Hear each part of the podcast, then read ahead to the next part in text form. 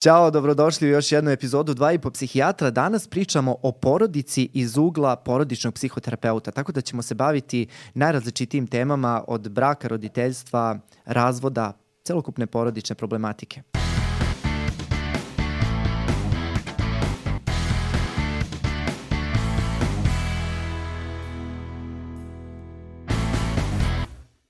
Doktorka Sanja Nikolić pre svega e, radi u Institutu za mentalno zdravlje kao i svi učesnici ovog podcasta, tako da smo e, dugi niz godina kolege i da kažem dugo se znamo, dugo sarađujemo i ono što e, volim da naglasim na samom početku jeste da ste vi šef odseka za brak i porodicu kod nas u Institutu za mentalno zdravlje. Šta je u stvari primarna porodica, šta, jel postoji sekundarna porodica, šta, kako uopšte delimo porodice? Primarna porodica je porodica porekla i e, ona je naša nuklearna porodica dok ne mi ne formiramo našu nuklearnu porodicu ili ti porodicu prokreacije.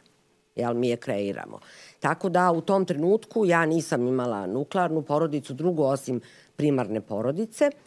I ovaj, e, jesam ja, o, da kažem, u tom trenutku, neću mnogo da se bavim sobom, nego prosto da nekako pojasnim malo to ovaj, primarna porodica, ja sam zapravo iz perspektive uh, sistemske porodične psihoterapije i životnih ciklusa, ti znaš koliko se uvek jel, vraćamo na ovaj, izazove životnih ciklusa. Ja sam zapravo izašla bila iz uh, ciklusa uh, slobodnog strelca i živala u vanbračnoj zajednici, znači napustila primarnu porodicu. Uh, ali u trenutku kada sam odlaz, trebala da napustim zemlju, ja sam sedela sa mamom, tatom, sestrom, psom i partnerom u ovaj dom u kom sam rođena u ovaj u kući i ovaj tako da je to bila jedna regresija, regresivna faza. Ovaj očigledno ovaj Vi ste sve okupili oko sebe sve, i da, sve što ste u tom trenutku da, imali, da podrže, da. da, o, da ovaj odem iako je to bio moj izbor i moja odluka, imala sam podršku svih njih, ali na kraju ja sam eto odlučila. No, elem, ovaj um, por, uh, kasnije, jel, ja bez problema formiram porodicu nuklearnu mm -hmm. ili ti ovaj, porodicu prokreacije.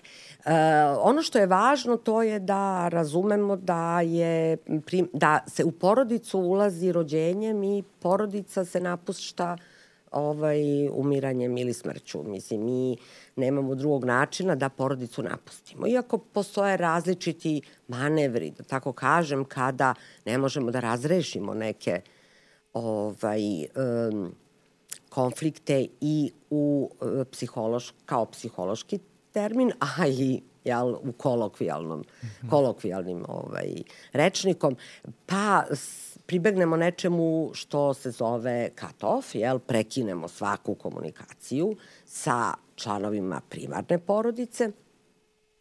Uh, to nije prekid u, u smislu uh, toga da se gubi uh, taj emocionalni koncept jel, povezanosti.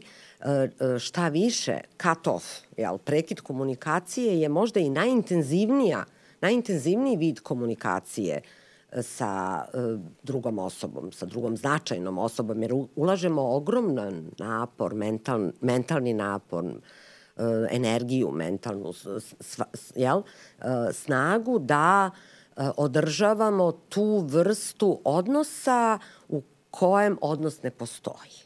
Tako da bih ja posle ovoliko godina rada ovaj, zaista se složila, to sad zvuči pretencijozno, jel, naravno, ali prosto nekako ja razumela ono što su govorila velika imena, uh, Minučin Haley i tako dalje, ovaj, uh, o, o ovaj, nemogućnosti prekida, odnosno koliko je cut off zapravo iluzija. Mi smo u nekim prethodnim epizodama pričali o ćutanju u psihoterapiji mm -hmm. i ćutanju generalno i u stvari došli smo do zaključka sa, pričajući iz raznih psihoterapijskih perspektiva da nekada ćutanje može da govori više od bilo kakve reči i upravo mislim da se to naslanja na ovo što ste vi rekli da jedan cut off, odnosno prekid u komunikaciji, odnosno prekid odnosa govori više nego bilo kakva druga, drugi vid komunikacije. I to mi se jako sviđa što smo naglasili naglasili jer mislim da to mnogim ljudima nije jasno jer misle da onog trenutka kada prekinu neki odnos da je to to i da se ne ulaže više nikakav napor, a mi radeći sa takvim ljudima yes. znamo koliko to iscrpljuje i koliko investicije zahteva da bi se neki uh, razdvojen odnos održavao razdvojenim. Tačno. Da. A vrlo često, izvini, i simptome. Razvoj I simptoma, i simptoma, koji će biti nekakav novi fokus. Jel? Jeste, jeste.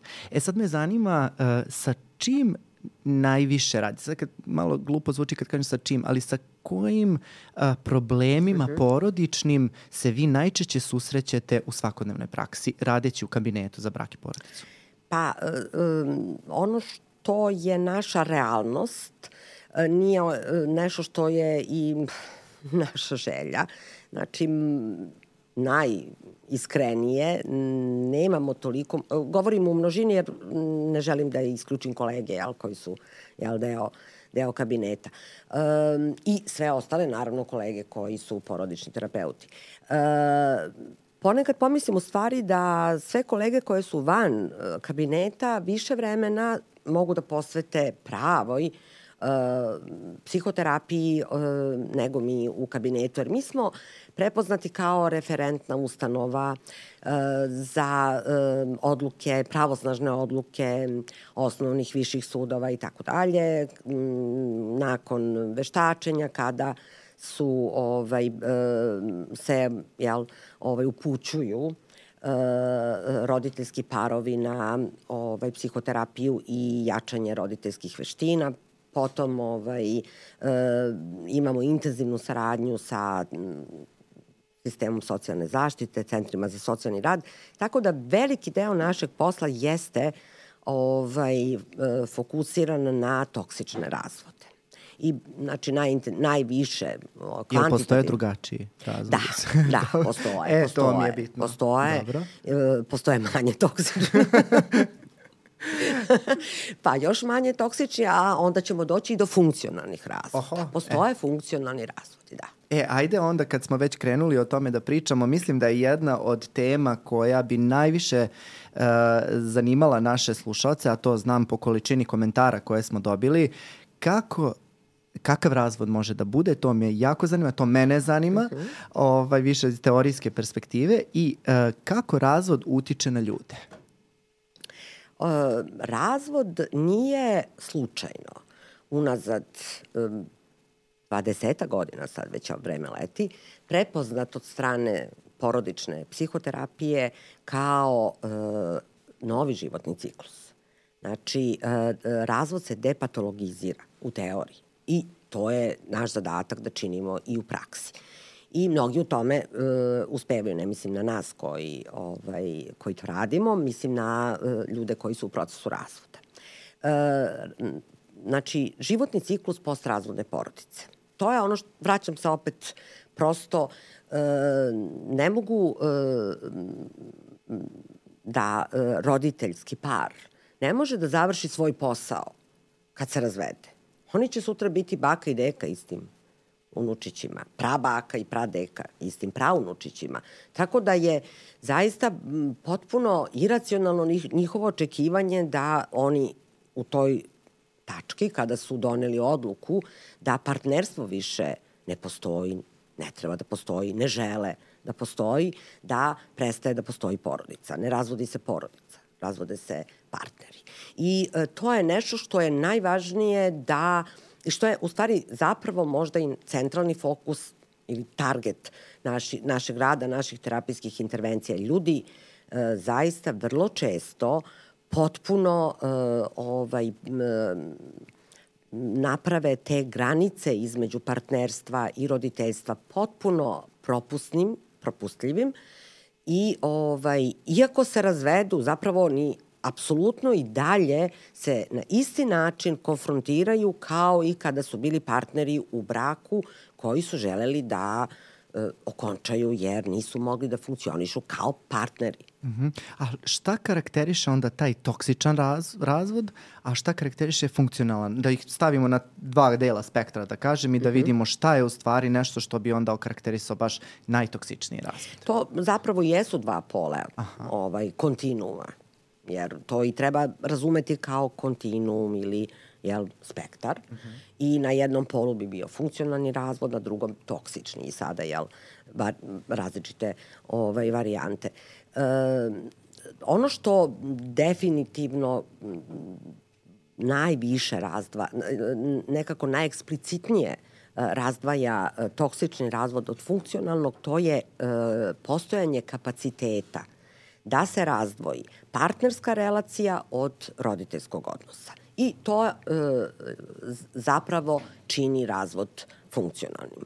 Ono, kada ljudi posjeduju kapacitet, kada bivši partneri, aktualno roditeljski par, kada oni posjeduju kapacitet da prepoznaju šta je njihov roditeljski subsistem, roditeljski odnos, roditeljska komunikacija u najboljem interesu maloletne dece, pa i punoletne. Mislim, vrlo često mi radimo i sa toksični razvodi, a deca 30, mislim, par godina. Nije uopšte neuobičajeno, pogotovo u našem kontekstu, u našoj kulturi, jel? Mm -hmm. ovaj, u prostoru u Srbiji, mislim, i, i sličnim, sličnim mentalitetima, organizacijama društva, ali prosto porodica i društvo, to je sistem spojenih sudova. Porodica diše kao društvo, društvo diše kao porodica. E, ono što karakteriše toksični razvod jeste kada e, zapravo ljudi ne odrade e, tu, osim e, pravnog aspekta razvoda, ni jednu drugu fazu razvoda ne odrade i e, nekada ostaju zaglavljeni u neo, ne, neobrađenoj, ne, ne, neodrađenoj psihološkoj fazi razvoda doživotno. Šta su te faze koje neko treba da odradi da bi spadao u tu kategoriju funkcionalnog? E, pa, funkcionalni razvod, e, to su, znači... Znači da razdvoje, ako sam dobro razumao, yes. partnersko od roditeljskog i da prosto se nekako zadrže na tom uh, roditeljskom nivou gde će partnerski na, doživeti taj svojevrsni cut-off, kako smo, kako smo i rekli, i da se toga prosto reše i da nastave da funkcionišu kao roditelji. Je li to nešto što...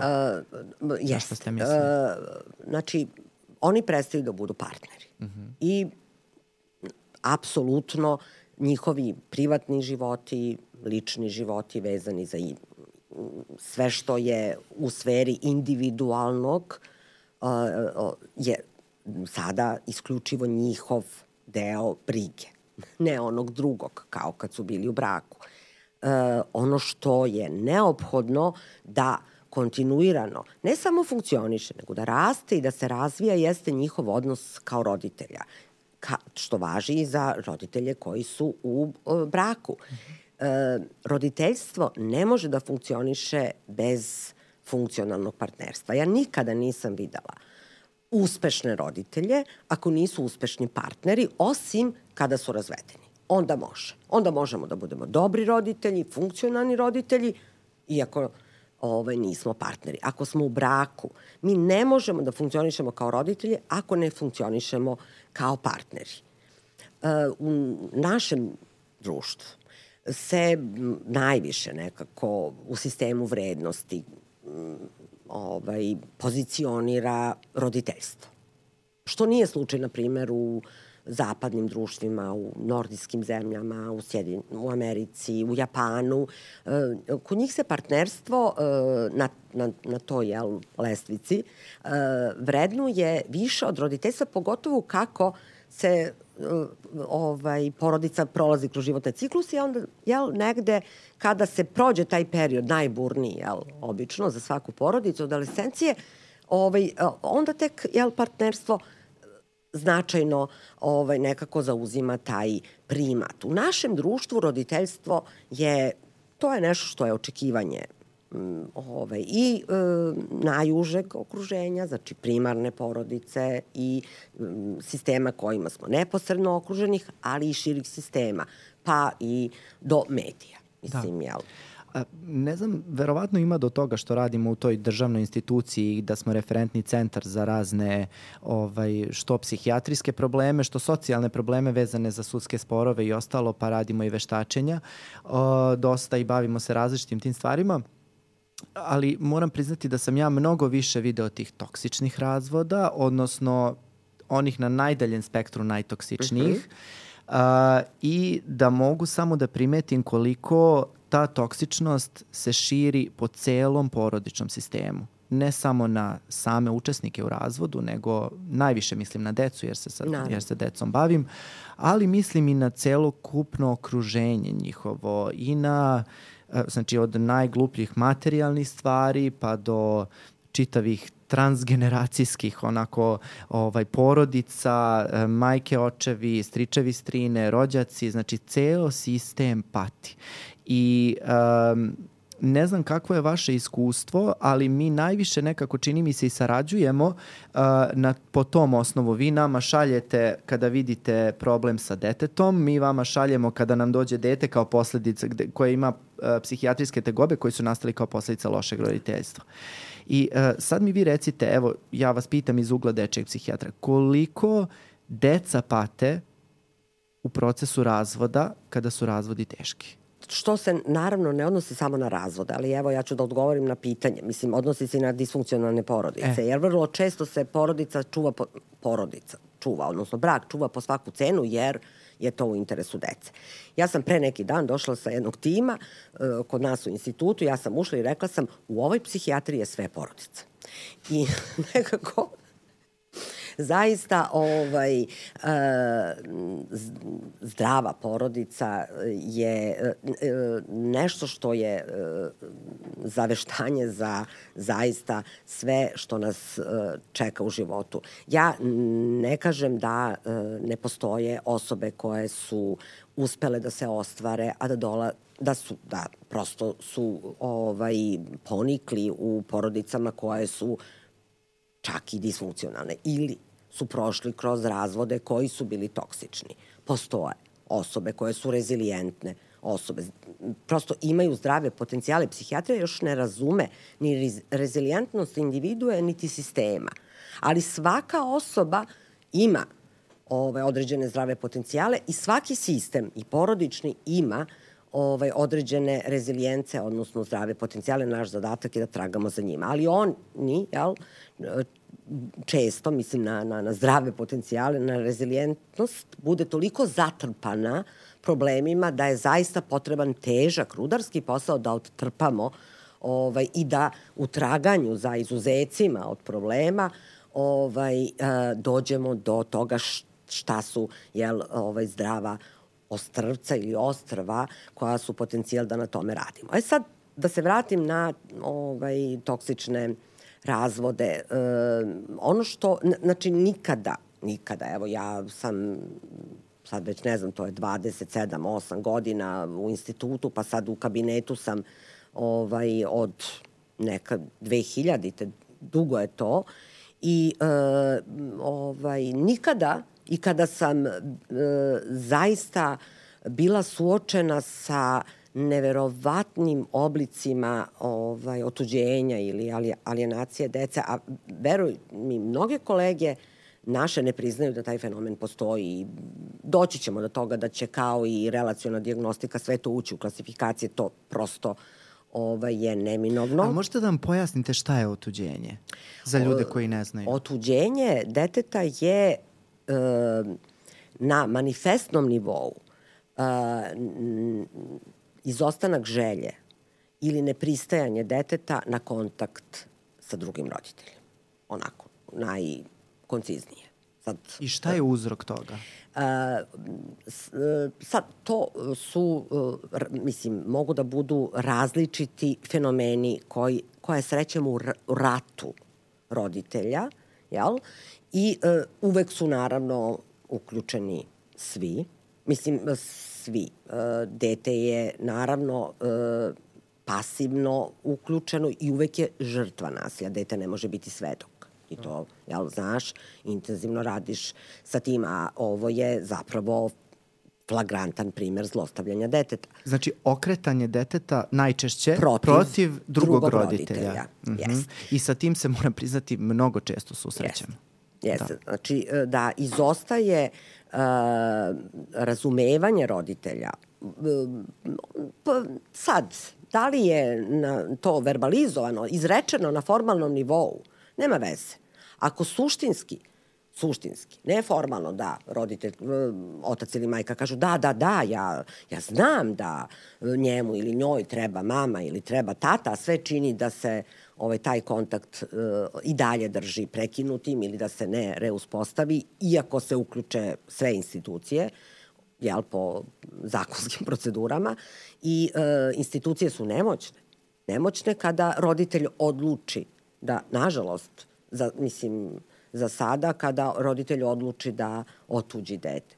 Ovaj, um, ono što, ali ako suštinski roditelj ne, ne razume potrebu deteta za drugim roditeljem, koja je prva i osnovna potreba, i ako gledamo rezoluciju o zaštiti prava deteta, mislim, to, to je početak i onda se, jel, kroz različite sada manifestacije, onda ovaj, manipulativne trendove koje roditelj uvodi, e, to je jedan od načina.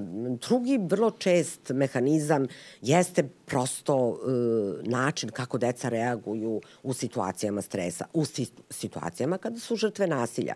Uh, ti kao dečiji psihijatar uh, i mm, adultni psihijatri znaju, prosto znamo jel, uh, ovaj, koje mehanizme odbrane koriste pacijenti uh, koji su slični onima koje funkcionalno koriste deca. To je splitting, to je ovaj, identifikacija sa agresorom. Znači negde prepoznavanje onoga ko je jači u sistemu, ko je nosilac moći i da bi nekako sebe dete zaštitilo od dodatnog ovaj, narušavanja indekri, e, svakog integriteta, on se negde prikloni onome ko je moćni u sistemu. To je jedan od zaista najtežih oblika zlostavljanja deteta. A onda uvek sa onim, ali to, kao, kao da prepisuju tekst ili kao da jel, nekako fotokopiraju, uh, copy-paste. Uh, ja sve činim, ali dete ne želi da vidi tatu ili dete ne želi da vidi mamu. A onda na pitanje, pa ali zašto vama dete ne veruje?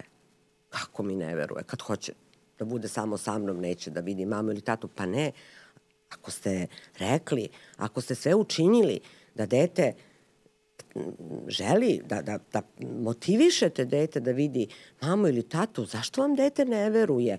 Kako, kako se vi osjećate? Gde je tu poverenje? Gde je tu ovaj, e, ta ljubav o kojoj govori, tako vam dete baš toliko ne veruje.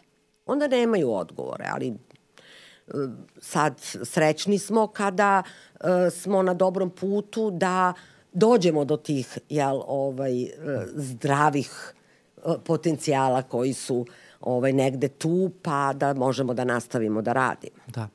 Pripremajući se za ovu epizodu, našao sam neke različite opise razvoda I e, najčešće što sam nailazio da je razvod smrt bračne relacije, to smo nekako sad i naglasili, ali e, našao sam i mnogo dramatičnije rečenice, kaže razvod je smrt sa hiljadu uboda. Za, e, mislim da se tu najviše potenciralo na to da se razvod e, često ne završava razvodom i to je ono što mislim da ste i vi naglasili da se to prenosi posle i e, nastavlja se dalje, jer nikako ti ljudi ne mogu da, pogotovo ako imaju decu, pa prosto ostaje ostaju u celom tom odnosu. I ovaj, ono što je nekako mi ostavilo najveći utisak, gde sam pro, pročitao jednu rečenicu psihoterapeutkinje, porodične psihoterapeutkinje Florence Kaslov, koja je rekla da je smrt bračnog druga u mnogim pogledima lakše ožaliti nego razvod. Ne znam da li biste se vi sa tim složili. Apsolutno. Uh, sada ovo može da zvuči kao nešto što će da mnoge prepadne, ali ovaj uh, gubitak, to je inače značajna tema u porodičnoj psihoterapiji, uh, gubitak i akutno žalovanje, jel, ima svoj uh, proces uh, i uh, ono što je razlika između gubitka uh, koji se dešava nakon smrti bliske osobe i gubitka koji se dešava nakon ostavljanja od strane blisko, bliske osobe ili ostavljanja bliske osobe. Tu treba da pravimo razliku, zato što se različiti uh, mehanizmi uh, psihološki javljaju kod onoga ko je ovaj, podneo zahtev za razvod braka, onaj koji napušta i onaj koji je napuštan. Znači, tu, tu, tu postoji razlika. E sada, uh, to važi i za odrasle i za decu. Uh, ja ću prvo da, pošto su mi deca uvek važnija, svima nam, prvo ću da se osvrnem na to kako deca razumeju e, e, ovaj, i kako zapravo deca mogu da prihvate nedostupnost roditelja. Jedino ako je roditelj preminuo. I onda je to nešto što razumeju. Nisu napušteni, nisu nedovoljno vredni, nisu nedostojni ljubavi roditelja, nisu oni krivi. Deca vrlo često preuzimaju, vrlo, vrlo često preuzimaju krivicu za, za ovaj, razvod roditelja. I uh, ukoliko roditelji nemaju minimum odgovornosti da se bave tim fenomenom kod dece, ovaj, taj fenomen opstaje. Da me vole, oni bi ostali zajedno. Znači, uh, uh, pa ljudi trebaju da imaju kapacitet da objasne. Da ne prestaje ljubav prema detetu ako se oni više kao muškarac i žena ne vole. Imaju pravo na to ali dete ima pravo da to e, da dobije dovoljno materijala, da to razume u zavisnosti od toga u kom je uzrastu. Jer jel, objašnjenje prilagođavamo pre svega uzrastu deca, ali roditelji to sve jel, ove, nekako e, izpremeštaju i onda e, je razvod, razvod porodice, onda onaj ko je podneo za e, zahtev za razvod braka je faktički podneo zahtev za razvod e, i od dece I to tako biva, jel? E, ovaj, sve više i više predstavljeno deci, deca osjećaju krivicu, osjećaju, pa je to u različitim, i to se smenjuje kroz faze. Osjećaju ljutnju prema roditelju koga ne viđaju jer je on napustio, ne razumeju da često taj roditelj nema mogućnost, nema pristup ovaj, detetu i da, ovaj, kažem, do najtežeg ovaj, um, fenomena, to je ovaj, otuđenje deteta. Da. E, kažite mi samo, uh, dosta se priča o tome koliko su razvodi sada učestaliji nego što su bili. Uh, neke su statistike koje sam ja negde pronašao da se svaki treći brak razvede. Uh, negde se čini da je to možda još i češće. Uh, da li je to stvarno tako? Jel vi znate neke podatke vezane za to i kakav je vaš subjektivni osjećaj Da li je to dobra ili loša stvar?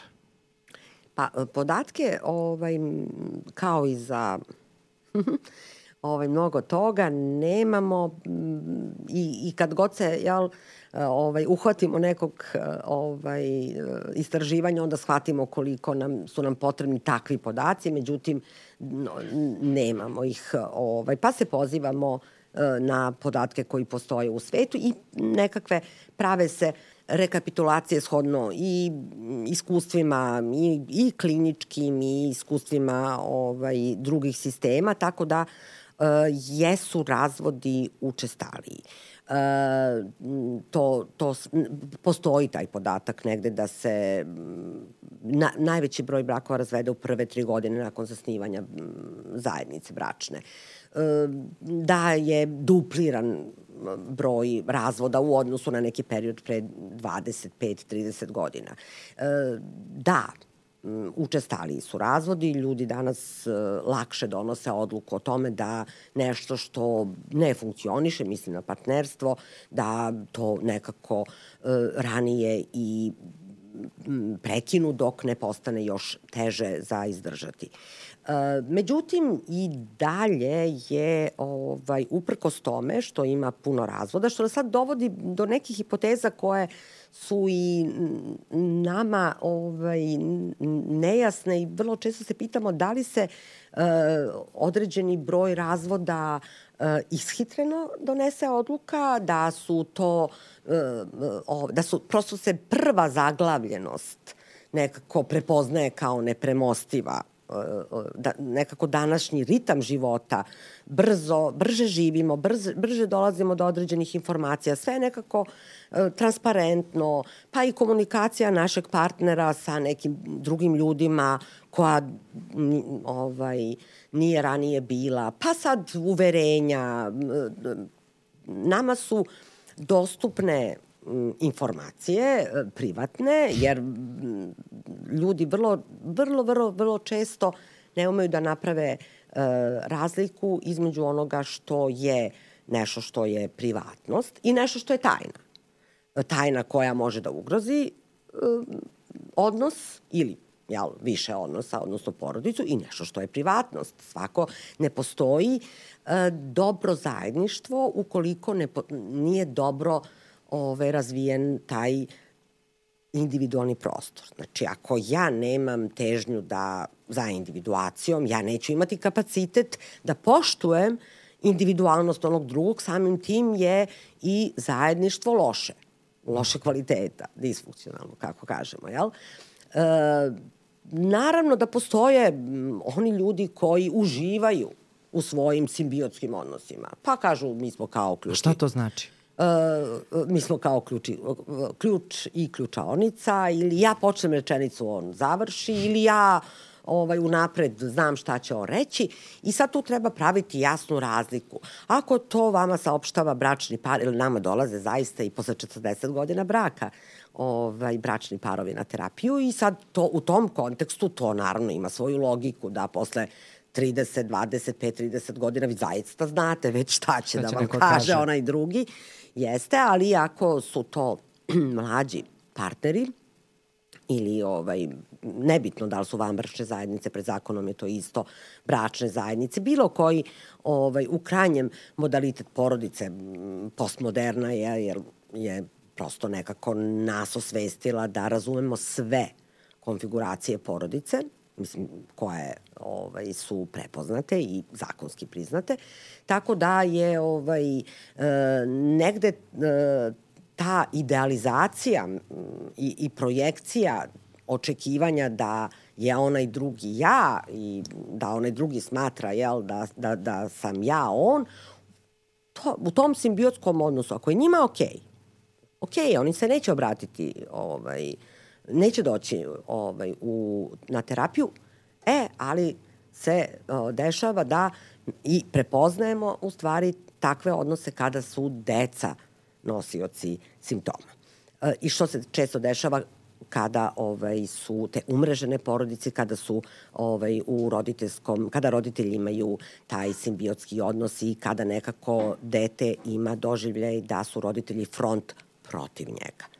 Aha. Jer o svemu Kada isto misle, protiv. Yes, mm -hmm. o svemu isto misle, uvek isto nastupaju, što je često ove nekako se uh, razume kao nešto što je krajnje pozitivno. Vi hoćete da mi kažete da postoje porodice, odnosno bračni partneri koji su u simbiotskom odnosu, što znači da se to, kao ključi brava, potpuno se kapiraju, završavaju jedne drugima rečenice, znaju ko šta misli i tako dalje i javljaju se na terapiju zato što dete ima psihijatrijske tegobe zbog toga. Da. I postoje takve porodice. To je jako postoje, zanimljivo. Postoje. Jako zanimljivo zato što mislim da se kontrira u, u običajnim verovanjima da. da samo konfliktni brakovi stvaraju problematičnu decu. Yes.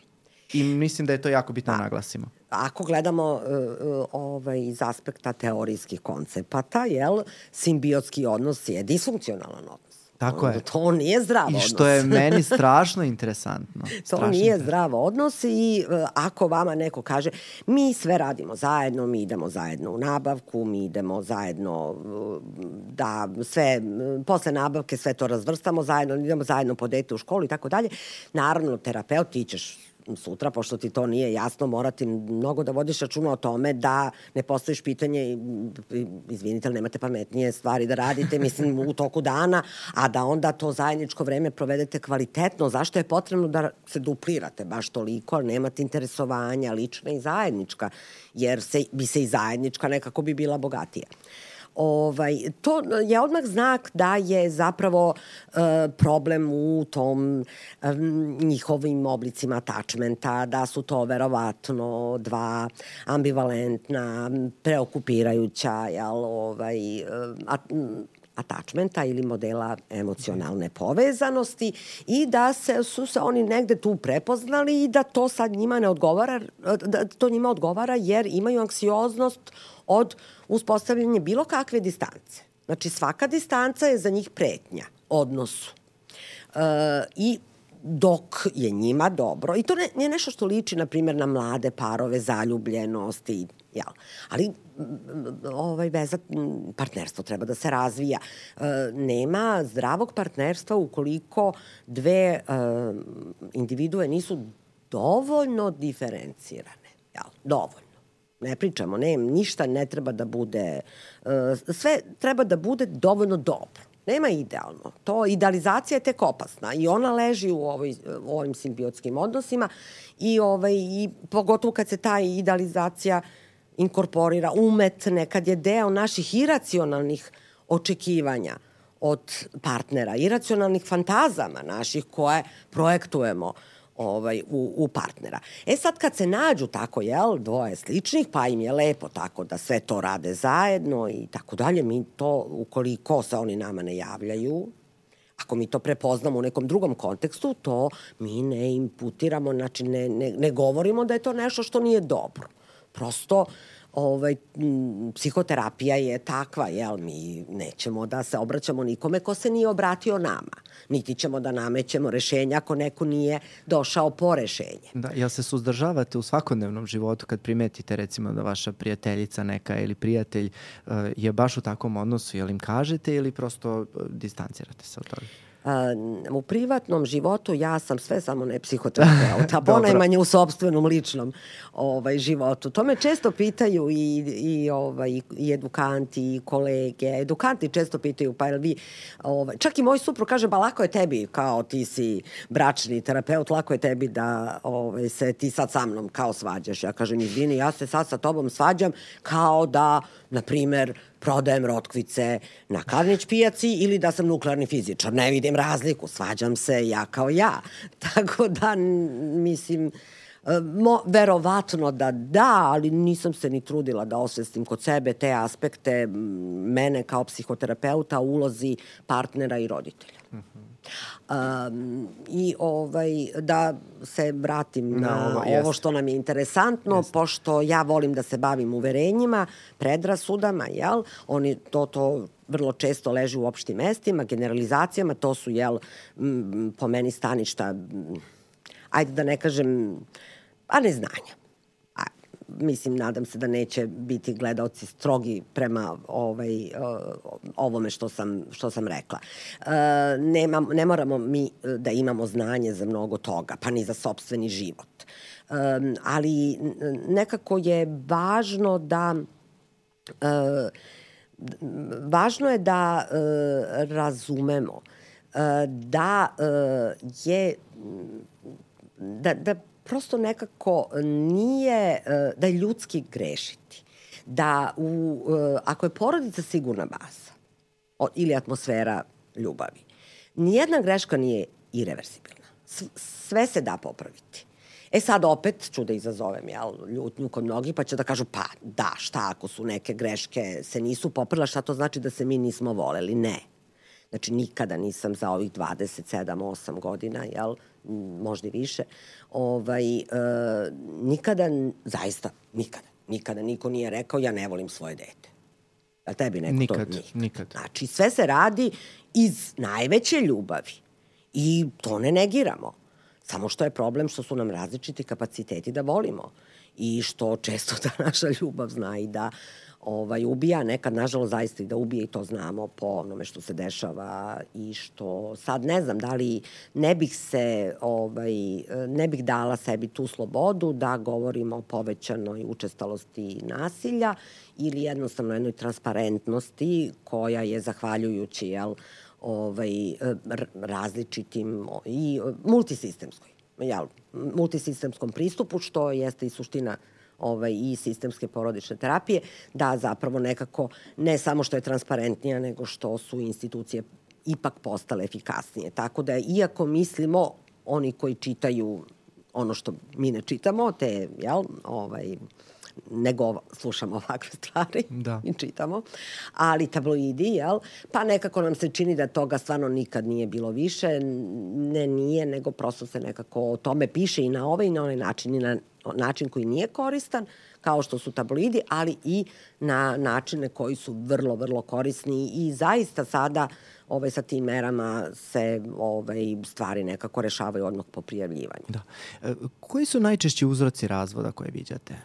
E pa sad i tu je, tu opet e, gledano u odnosu na životne cikluse, e, pa iako je e, roditeljstvo i jel, ulazak u taj životni ciklus jeste najveći izazov za, za bračni par. Uh, pardon, nekako je uh, tu uh, ima, ima, postoje motivi i nekako tu, tu je i fiziološki ili funkcionalno ili da kažem dobrodošlo da nešto što taman je mladi bračni par uspostavio, a to su granice ka spolja, znači ka primarnim porodicama, mamama, tatama, bakama, dekama, tetkama, ujnama i tako dalje. Ovaj, I formirali su identitet sobstvene ovaj, porodice nuklearne, novoformirane. E sad stižu deca i sada čak i stručnjaci preporučuju sada da te granice opet treba da postanu malo difuznije i da naravno da je svaka pomoć ovaj, dobrodošla od strane baka, deka i tako dalje, pogotovo što nekako se ta granica rađanja pomera, što su, što je sve više prisutno ovaj, su blizanačke trudnoće i ovaj, i trojke i jel zbog uh, in vitro, odnosno veštačke oplodnje koja je sve više prisutna opet zbog pomeranja granice rađanja i tako dalje svih tih društvenih fenomena ovaj i uh, onda je pomoć dobro došla. Tako da opet se vraćamo jel na malo na period pre ovaj zasnivanja zajednice ali onda jel, kako deca rastu um, i prolaze jel, taj period predškolskog uzrasta, pa sad školski uzrast, uh, zadatak uh, roditeljskog para i partnera, roditelja jeste da ponovo jel, reuspostavi ovaj, granice koje su ka spolja manje difuzna, manje propustljive, a ovaj, uh, što bi bilo jel, funkcionalno, što bi bilo zdravo. Da, vrlo kompleksan proces, znači od uspostavljanja, pa onda vraćanje mhm. neko u, u primarnu, ne, ne vraćanje u primarnu porodicu, nego vraćanje primarne porodice u svoj život i onda ponovno uspostavljanje granica.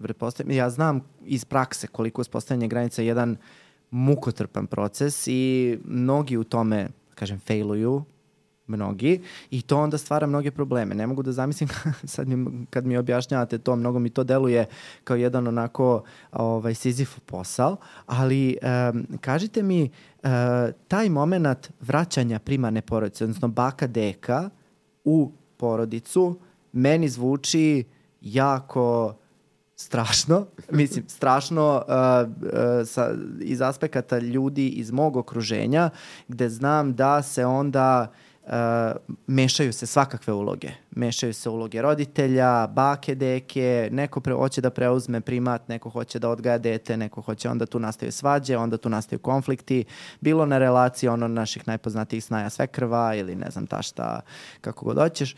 I onda ovaj, čini mi se da tu može da nastanu čitav sijaset problema ovaj, i, i drago mi je da smo to pomenuli. Ne znam sad kako je vaše iskustvo, gde je uopšte taj moment gde nastaje najveći konflikt, gde nastaju najveći problemi? U početku, znači kada se dete dobije ili kada se ta primarna porodica vraća ili kad treba da ih izbacimo napolje?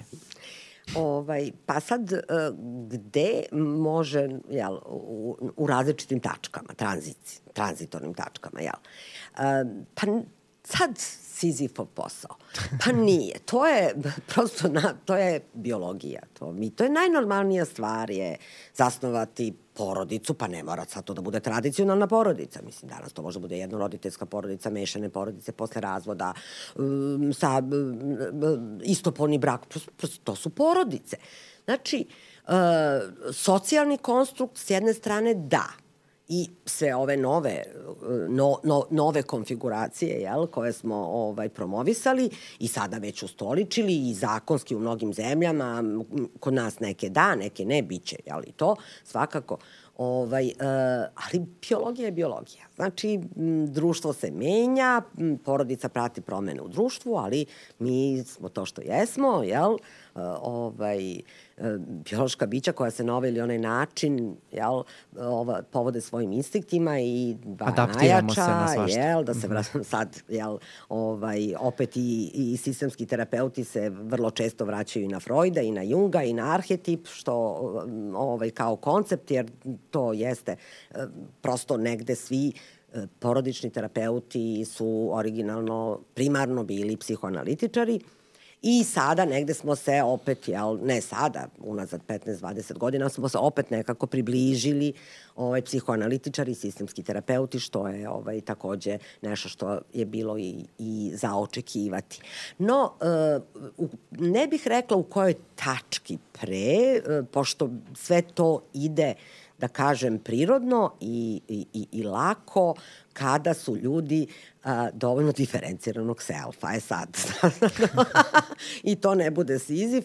Znači, kada ovaj, smo nekako stekli kao, kao mali uh, dovoljno sigurnosti, jel, da, da ovaj, taj čuveni jel, koncept afektivne, emocionalne vezanosti ili attachment, kada je on siguran, kada mi imamo slobodu i da e, istražujemo i da se vraćamo i da ne, nemamo da, osudu za to što istražujemo i kad, e, i kad smo uplašeni da pokažemo emocije i da dobijemo podršku, kada sve to kao mali dobijemo u našoj primarnoj porodici, onda ćemo vrlo lako znati to da hendlujemo kakve god da su nam tašte sve krve uh, i ja se nadam da moja buduća snaja će to imati, pa sad da ću ja, ja, bit, da ću ja biti lak neki zalogaj, da me spakuje. Tako da, ovaj, um, snalazimo se u tim životnim ciklusima, nekada to ovaj može da zahteva veći angažman bake i deke, nekada ne mora, nekada ovaj je to mm, or, par odluči da organizuje. Ja prva nisam, ja sam jel, ovaj, nekako smatrala da bake i deke treba da uživaju uh, i da sa, sa unucima i da to bude jel, tako kad oni žele i tako dalje, a da za to postoji nekako drugi način, pa smo se mi drugačije organizovali. Ali Mislim... Ima vrlo agresivnih baka i deka, moram da kažem. e, ali, a znate šta me zanima? Um, vrlo često se kod nas kaže da se neki brakovi spašavaju tako što se uh, dobija dete. Yes. Je li to česta pojava isto? A, to, uh, sad ne mogu da kažem koliko je česta, da ja govorim na osnovu onog uzorka. Tako je, ono što vi znate. Jeste, da. ono što je kod nas u institutu, a opet to nije baš reprezentativni uzorak, jer kod nas zaista dolaze, najteži da kažem, slučaj, najteži da, jeste. Da, da. Ovaj, no, e, to, kada, kada onako e, ima te dva deteta, pa veliku razliku, pa treće dete, ovaj, po pravilu je to način, pokušaj da se nešto što u kolokvijalnom govoru, mrtav brak, nekako oživi, jel? što e, iz prakse kliničke, a i ovako observacijama različitih različitim, pa i kroz jel, ovaj, druge načine da učimo i mi jel, doživotno da rastemo i razvijamo se kroz rad naših kolega koje pratimo i radove i tako dalje. E, dete e, apsolutno ne, ne sme da bude, ne treba da bude način da se spašava brak, ne sme da bude u funkciji regulisanja braka uopšte. Znači i postojaće deca i deca o kojoj razmišljamo da a, treba da ovaj, postoje ili da postanu, da ih začnemo da bi se brak sačuvao. E, brak se sačuvati neće, problemi koji su bili manji postaće još veći e, i ovaj nekako vrlo često imamo porodice upravo nakon rođenja tog trećeg deteta da imamo dva recimo adolescenta i dete od dve, tri godine i onda toksičan razvod. I evo, u procesu sam učenja i pripremanja ispita za porodičnu terapiju i uh, mnoge stvari su mi interesantne, a možda najinteresantnije ovo što ste rekli da u procesu uh, spašavanja braka, kako kolokvijalno spašavanja, um, tražimo ta ostrv, ostrvca potencijala koje možda koje možemo da se uhvatimo jer svaka porodica ima neki potencijal kako ste nas vi, vi to i učili. I um, ima jedan onako moment uh, o kome e, često pričamo na našim edukacijama, a to je da u nekim trenucima brak zaista treba da se završi. E, koji su to momenti kada vi zapravo kažete, e, ovde stvarno više nema potencijala, mora, razvedite se. Prosto, ili nekako navodimo na tu, na, na, na taj finalni ishod. Pa, e, prvo ono što je ovaj, jako važno, to je da uh, razumemo da ukoliko partneri uđu u psihoterapijski proces, u proces, mi nismo ti koji ćemo imati čak i pretpostavku koju verbalizujemo, izgovaramo u njihovo ime. znači, treba da pravimo razliku između savetodavnog rada, znači kada se ljudi obrate u savetovalište i ljudi koji su kod nas uključeni u psihoterapijski proces. Znači, mi ne izgovaramo reč razvod ukoliko oni ne izgovara ono što mi izgovaramo vrlo jasno. Znači, nije to tabu nikako i ne, sme, i ne treba da bude i to sam na početku. Znači ono što je vrlo važno to je da uh, je i dalje jeste razvod stigmatiziran. Znači ljudi se osjećaju obeleženo. I vratit ću se čak i ono e, na ovaj, uh, poređenje, uh, jel, razvod kao gubitak, da je teži. Nisam ni, ni tu nekako do kraja ostala jasna, zato što kada se je žalovanje za nakon smrti partnera postoji podrška okoline, postoje rituali koji jel, olakšavaju proces žalovanja. E, razvod je gubitak bez dozvole za žalovanje i za rituale. Osim u poziciji onoga koje je ostavljeni od strane jel, ovaj, e, e, drugarica, kuma, kumova, primarne porodice, tako dalje, ali i to vrlo često nekako rezultira time da e, se e, prekine i taj e, zdrav roditeljski odnos. Tako da to jeste žalovanje ovaj, bez adekvatne podrške, bez o, rituala e, i vrlo je važno da se da, da ljudi imaju podršku tokom razvoda. Bilo da da je da, da postoji dosta e, i terapeuta i savetnika porodičnih, bračnih, postoji e, dosta savetovališta. E, nekako gubitkom e, ovaj partnera mi gubimo deo sobstvenog identiteta. Jer partner reprezentuje dobar deo našeg identiteta. Prosto to je taj internalizovani drugi, znači jel, nešto što, što su upravo ta naša iracionalna očekivanja od onog drugog, jer sad već mogu da kažem, ako govorimo o razvodu, svakako je deo mnogih očekivanja i bio iracionalan, jel, čim se nekako nismo ovaj, uskladili na tom putu da iznalazimo način i na pra pragmatičnom, praktičnom nivou, znači da se razvijaju kapaciteti za iznalaženje rešenja, kapacitet za konflikt. Konflikt je konstruktivan ukoliko dođemo do novog rešenja. Mene takođe plaši uh, čuvena rečenica uh, mi se nikad nismo posvađali pred detetom. Mislim, a onda šta, a, koliko puta ste čutali pred detetom. Uh, znači, da pokazivanje uh, emocija je, mislim, nijedna emocija jel, pa sad da se vratimo i na osnove psihijatrije, svaka emocija je, pa čak i mržnja, je funkcionalna i, i, i nije patološka emocija ukoliko ima ograničeni rok trajanja. To se naravno ne odnosi na pozitivne emocije kao što su ovaj, e, ljubav i, e, jel, ali strah. I, znači sad da ovaj, ne širim temu, prosto ono što definiše ovaj, pato, patološku, jel, ovaj, e, patološku komponentu neke emocije ili što emociju čini, jel, da, da postane ovaj simptom jeste intenzitet, dužina trajanja. E tako je i u odnosu, tako je i u relaciji. Znači, u, ukoliko mi imamo kapacitet da uđemo u konflikt, da sukobimo mišljenja i da iz tog konflikta izađe neki novi kvalitet, taj konflikt je bio koristan.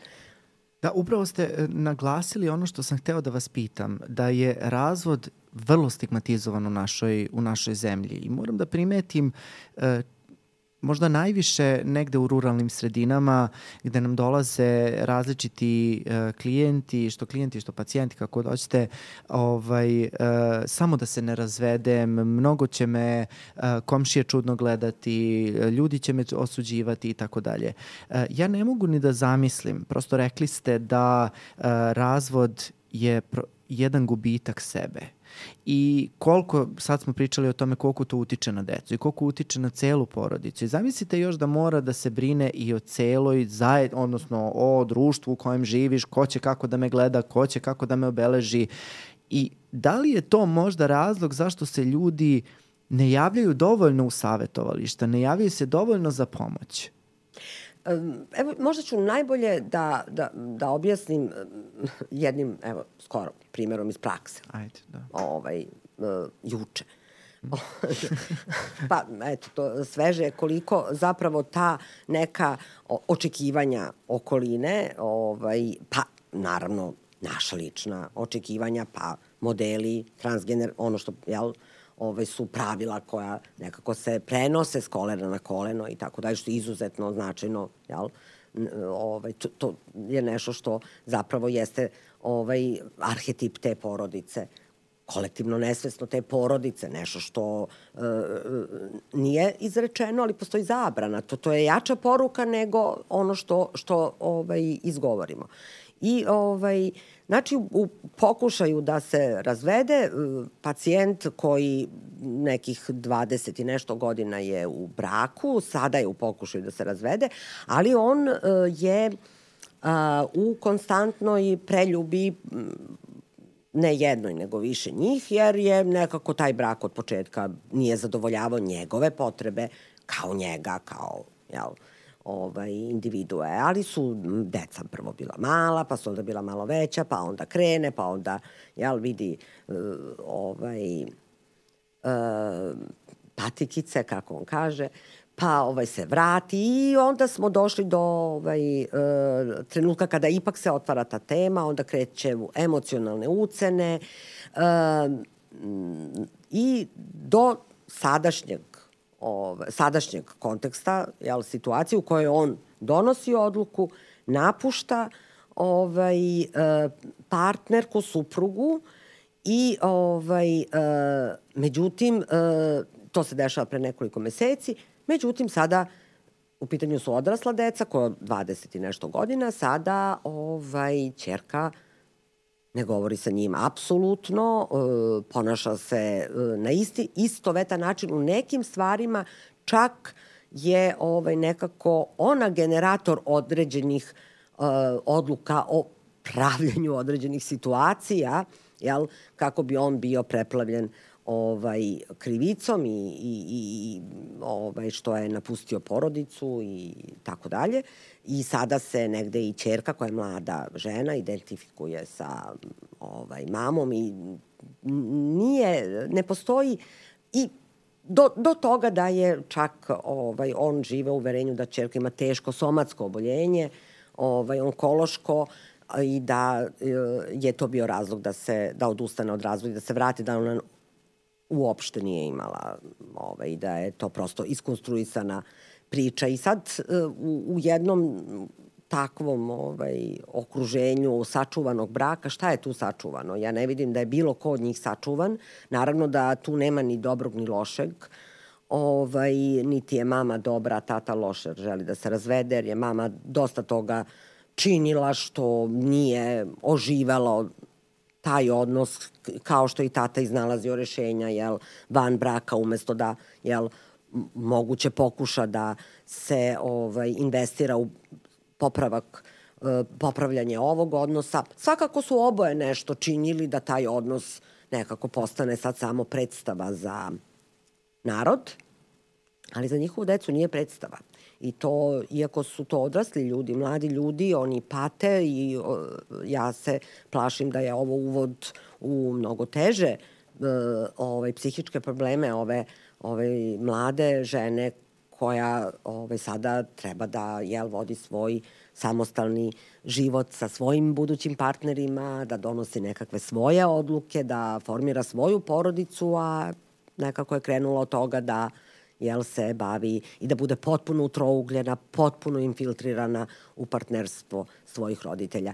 E, nije, naravno, sigurno je ona bila u konfliktu lojalnosti, kako mi to kažemo, a to je u prevodu e, da li više voliš mamu ili više voliš tatu i vice versa. Ni, ni... To se čak dešava i sa 20 godina, znači dešava i kasnije. se, ali da. naravno da ovaj kreće mnogo ranije, niko to neće da izmisli, u, mislim, odnosno neće imati efekta. Da. Prosto nešto mora da, da krene ovaj, dosta rano, treba da krene onda kad je rekla Melania Klein, znači, jel, kada je ovaj, taj odnos sa primarnim objektima i ovaj, u te prve tri godine života kada nekako jel, se diferencira self, odnosno gradimo naš ovaj, naš identitet. Mm -hmm.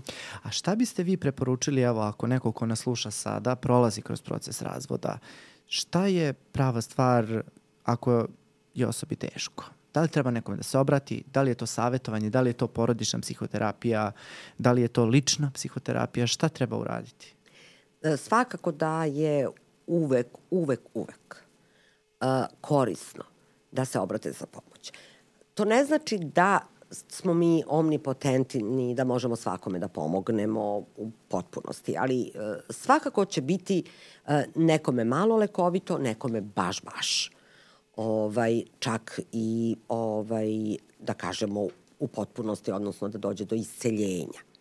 Uh, treba se obratiti za pomoć već kad se ne osjećamo dobro uh, sami sa sobom i, i, i sa onim drugim. To je već znak nekako da, ukoliko ne možemo uh, sami da, da razrešimo, zašto da ne? Zašto da se ne čujemo preko nekog ko nije na mojoj strani, ko nije na tvojoj strani. Nije isto, terapeut nije prijatelj, terapeut nije mm, roditelj, terapeut nije brat, nije sestra. Prosto mi smo neutralni profesionalci, tu smo da smo podjednako na strani i jednog i drugog podjednako privrženi, a naš osnovni zadatak jeste da pomognemo i njima pojedinačno i njima zajedno. I kako to izgleda uh, ako se odluči recimo neki par u, da li u procesu razvoda ili u procesu neke bračne krize kad vam se obrati za pomoć? Kako uopšte izgleda porodična terapija, odnosno bračna terapija? Koliko dugo traje? Kako, koliko dugo su te seanse? Ne, neke onako najosnovnije stvari kako to onako vizualno predstavimo ljudima koji se možda razmišljaju da na to krenu. Ne. Bračna terapija, znači postoji bračna terapija, postoji terapija razvoda, nekad krene kao bračna terapija, pa postane, postane terapija razvoda, nekada je od početka terapija razvoda, nekada je bude i završi se ovaj, bračna terapija sa daleko, daleko, daleko zdravim odnosima među uh, partnerima i njihovim onako zadovoljstvom koje ovaj, godi njima, godi terapeutu naravno. Ovaj, uh, pitanje je kad to, ovaj, kako izgleda i kad je to, kad razvod zaista je ovaj, neminovan. Pa prvo, vrlo je važno da naši klijenti ili pacijenti imaju predstavu o tome šta žele od nas. Uh, mi ne možemo, ako jedan želi da leči brak, a drugi želi da se razvede, mi smo nemoćni, jel ako pomažemo jednom da leči brak, bit ćemo protiv ovoga koji želi razvod i ovaj, vice verza, tako da je vrlo važno da oni zajedno imaju konsenzus o tome šta je terapijski cilj. Uh, bračni terapeut je mm, akcelerator, bračni terapeut je neko ko prepoznaje, ko, ko pomaže da se ožive ovaj, obrazci koji su, koji su postojali i bili funkcionalni, da sada se reuspostave ili neki novi da se uvedu i tako dalje, ali kreatori svoje uh, sobstvene jel, zadovoljstva i sreće u odnosu su Mm, ljudi koji se obraćaju za pomoć, a onda će neko reći mali je posao terapeuta, nije ogroman je samim tim što će da ih iz situacije, ne, ništa nije moguće, ne, mi ni, ne možemo da razgovaramo ni o čemu, ni na jednu temu, to često ovaj, vrlo često čujemo, da nemaju kapacitet da, da, da ovaj, razgovaraju uh, o, o, ni o dnevnim ovaj, sitnicama. Uh, ono što mene plaši, što osjećam nekako obavezu da ovaj, poentiram, uh, je kada kažu jedino što o čemu razgovaramo, to je uh, dete, odnosno ovaj problem deteta zbog kojeg smo došli. I to je ono što je nama znak za uzbunu i što bi nekako trebalo da izađe iz sistema zdravstva i da zato sam ja srećna što toliko uh, ima, što svake, ovaj, svaka generacija e, polaznika na edukaciji je sve brojnija i što, su, što oni rade u školama, što rade u savetovalištima, što rade u centrima za socijalni rad, u predškolskim ovaj, ustanovama i ovaj, što e, prepoznaju, što, što jel, imaju kapacitet da prepoznaju i da edukuju, da nauče roditelje. Dakle, ako roditelji jedino komuniciraju oko toga oko, zato kad je dete agresivno u vrtiću, pa jel zovu vaspitačice ili ovaj, psiholog, ako se dete povlači, ako ta ovaj, socijalizacija deteta i, i, i ovaj, uh, uklapanje u, u, u vršnjačku grupu negde, jel, ovaj, prolazi sa nizom problema ili izostaje čak, pa, jel, tako, ovaj, e, i u školskom uzrastu, ili pak simptomi kao što je agresivno ponašanje koje može biti ti sad, neću da ulazim u tvoj reon, e, ali vrlo često jeste ovaj način na koji dete pokazuje, odnosno manifestuje depresiju, samopovređivanje kod deteta, socijalna restrikcija, povlačenje, do socijalne izolacije i tako dalje, popuštenje u školi, prestanak odlaženje u školu. I, ovaj, uh, i kada roditelji, uh, eto, oni oko toga zaista dobro ovaj, sarađuju da bi pomogli svom I samo detetu. oko toga. I samo oko toga. To je znak da će to dete bivati sve više, produbljivati svoj simptom sve više, bilo koji, od ovih koje sam navela još niza, onih koje nemam vremena da navedem i ti možeš jedan podcast da održiš da. pa da pričaš upravo o toj, tim simptomima kod dece.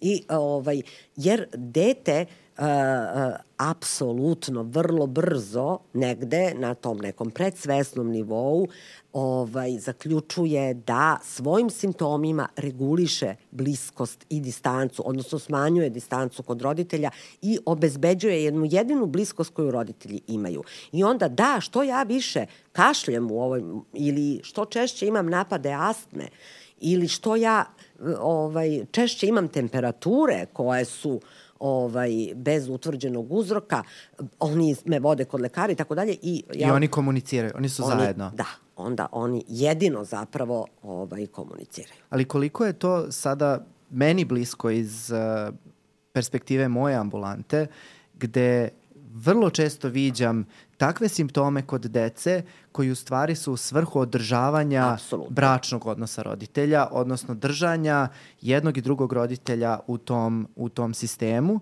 i Uh, najsmešnije me sad, malo sam se smeo dok ste pričali, ne zato što mi je smešna priča, nego zato što me asocira na neke, na neke porodice gde kada krenemo da pričamo o roditeljima, u stvari kada ja kao terapeut prepoznam da je taj simptom u stvari u funkciji održavanja te porodice i kada krenem da ih ispitujem o njihovim uh, njihovim roditeljima, o njihovim načinima prevladavanja stresa, o njihovom braku, oni se potpuno frapiraju i kao šta, šta mene pitaš o meni, mi smo ti doveli dete. Dakle. I nikako ne mogu uopšte da osveste da je do njih problem, odnosno da je problem u celom tom odnosu, odnosno sistemu, nego ovaj, nekako se samo fokusiraju na to i samo ne, nekako nesvesno održavaju u stvari taj problem i još ga i produbljuju. Produbljuju, da. To je da. ključno što si rekao. E, ono što je dobro što ti to prepoznaješ, što radiš sa njima, evo uskoro kada budeš ovaj, e, sertifikovani da. sistemski porodični psihoterapeut, ti ćeš z, e, ovaj, steći sve tehnike i veštine da nekako ovaj, primenjuješ tehnike koje ovaj, služe da prosto sistem dovedemo do nekakvog nivoa drugačijeg, funkcionalnijeg, gde utrougljavanje deteta, odnosno simptomi deteta nisu potrebni porodici da bi porodica ostala na okupu. E, ogroman je zalog da porodica, odnosno da partneri ostanu, jer uh, ovaj, zapravo se radi o partnerstvu. Da. Ovaj, uh, ogroman je zalog uh, bilo koji i mali simptom kod deteta. Tako da je važno da ovaj, roditelji razumeju da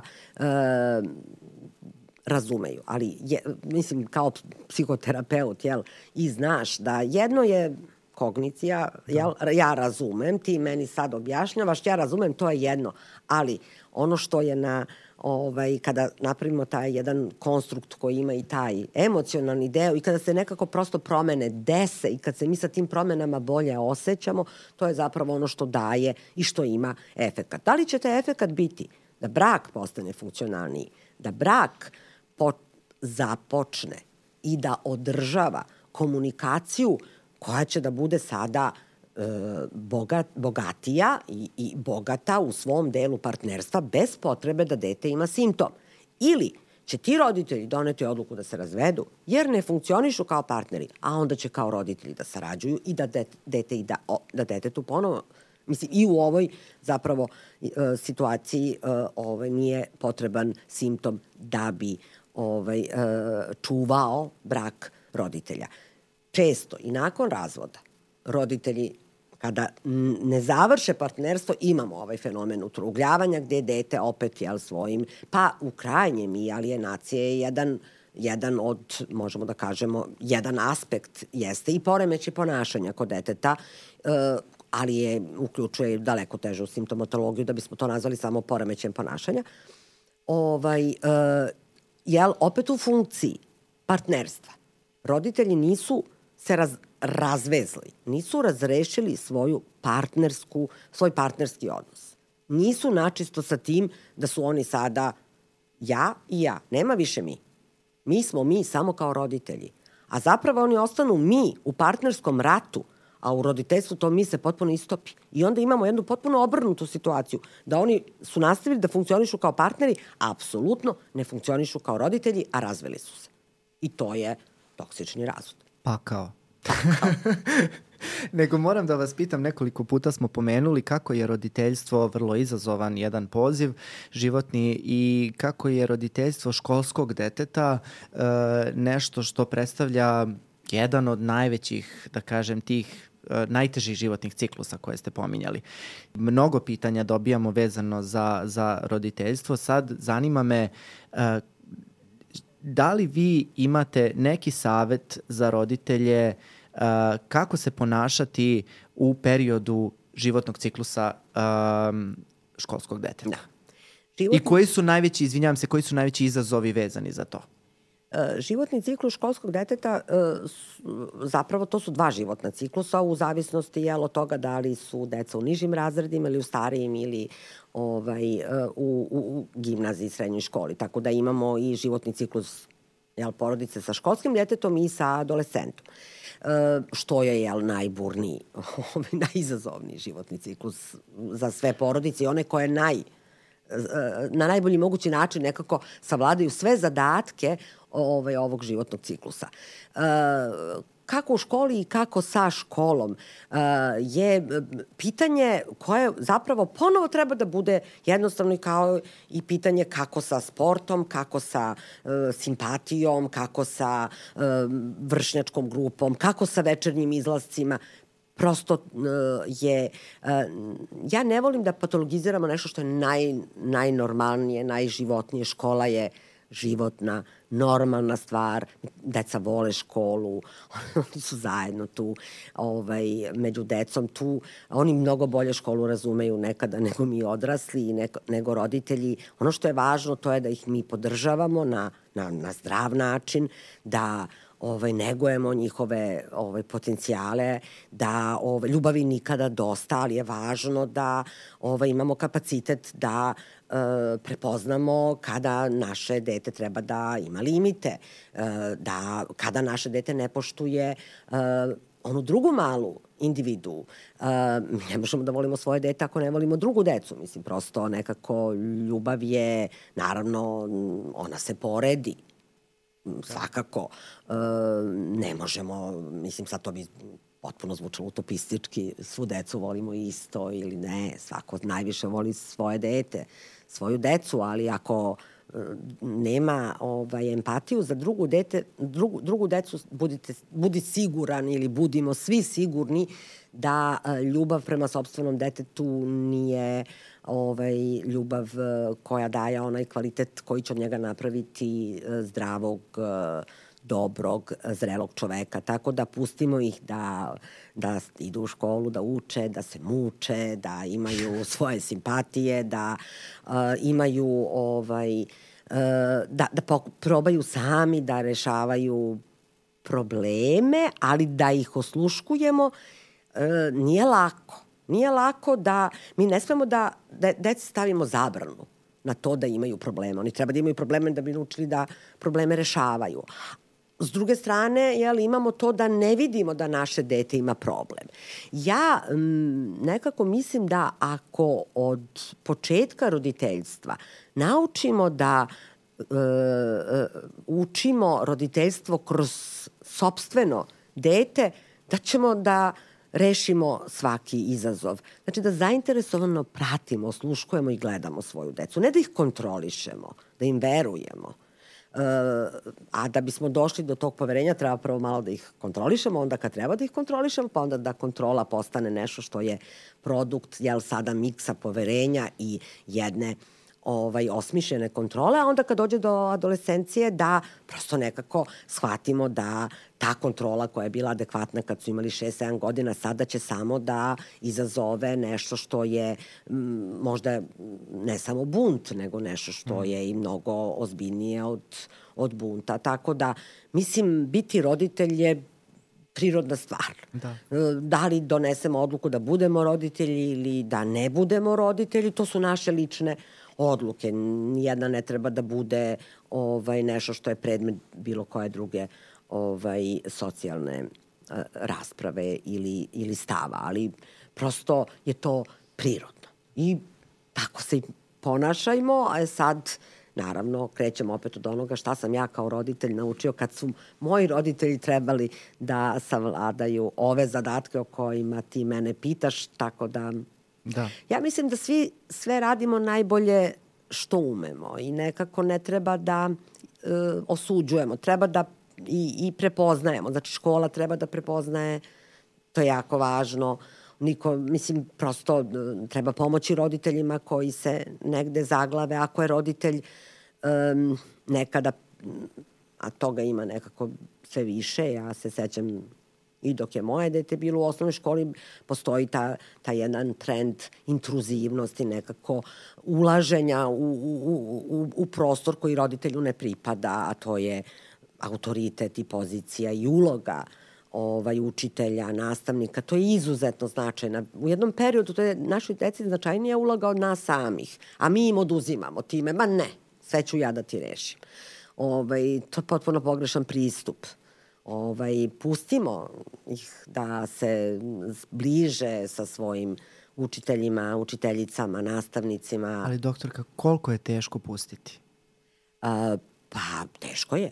Ali ako to počnemo da radimo kada naše dete ima jedan minut da. starosti, onda, onda mi naučimo da taj izazov naše anksioznosti funkcionalno e, unutar sebe proradimo, a ne tako što ćemo da projektujemo našu decu ili kroz nekakve zaista nezdrave man, manevre kontrole ili nekakva iracionalna očekivanja od naše dece da, da ćemo sve mi da im završimo umesto njih ili da ih ne vidimo jer zarađujemo pare za njih, da bi oni imali sve u životu i tako dalje.